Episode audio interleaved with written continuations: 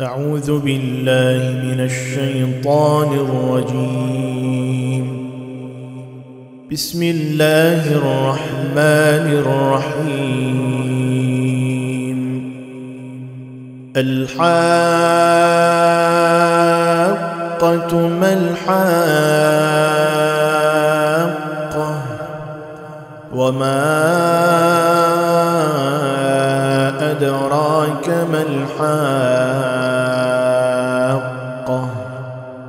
كذبت ثمود وعاد بالقارعة فأما ثمود فأهلكوا بالطاغية وأما عاد فأهلكوا بريح صرصر عاتية سخرها عليهم سبع ليال وثمانية أيام حسوما وثمانية أيام حسوما فترى القوم فيها صرعا كأنهم أعجاز نخل خاوية فهل ترى لهم من باقية؟ وجاء فرعون ومن قبله والمؤتفكات بالخاطئة فعصوا رسول ربهم فأخذهم أخذة رابية. إنا لما طغى الماء حملناكم في الجارية لنجعلها لكم تذكرة وتعيها أذن واعية فإذا نفخ في الصور نفخة واحدة وحملت الأرض والجبال فدكتا دكة واحدة. فيومئذ وقعت الواقعة وانشقت السماء فهي يومئذ واهية. والملك على أرجائها ويحمل عرش ربك فوقهم يومئذ ثمانيه يومئذ تعرضون لا تخفى منكم خافيه فاما من اوتي كتابه بيمينه فيقول هاؤم اقرءوا كتابيه اني ظننت اني ملاق حسابيه فهو في عيشه راضيه في جنة عالية قطوفها دانية. كلوا واشربوا هنيئا بما أسلفتم في الأيام الخالية.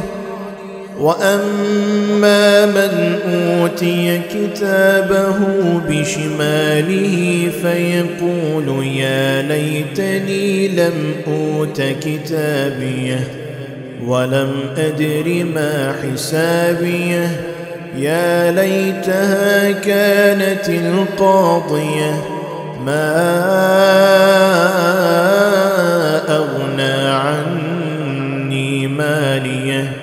هلك عني سلطانية. خذوه فغلوه ثم الجحيم صلوه ثم في سلسلة ذرعها سبعون ذراعا فاسلكوه. إنه كان لا يؤمن بالله العظيم ولا يحض على طعام المسكين. فليس له اليوم هاهنا حميم ولا طعام إلا من غسلين. لا يأكله إلا الخاطئون. فلا أقسم بما تبصرون وما لا تبصرون. إنه لقول رسول وما هو بقول شاعر قليلا ما تؤمنون ولا بقول كاهن قليلا ما تذكرون